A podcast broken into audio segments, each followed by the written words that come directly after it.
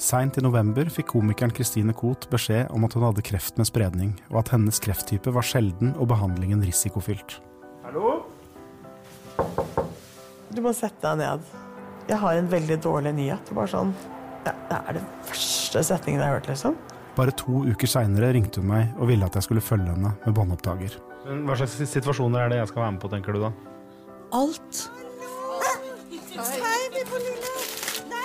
Jeg kommer til å følge Christine Koht gjennom denne skjebnesvangre våren. Og snart vet vi om behandlingen hun får, virker eller ikke. Det kommer utrolig mange i begravelsen, da. Må være tidlig ute. A-magasinets podkast Kot vil leve kommer fredag 8. mars.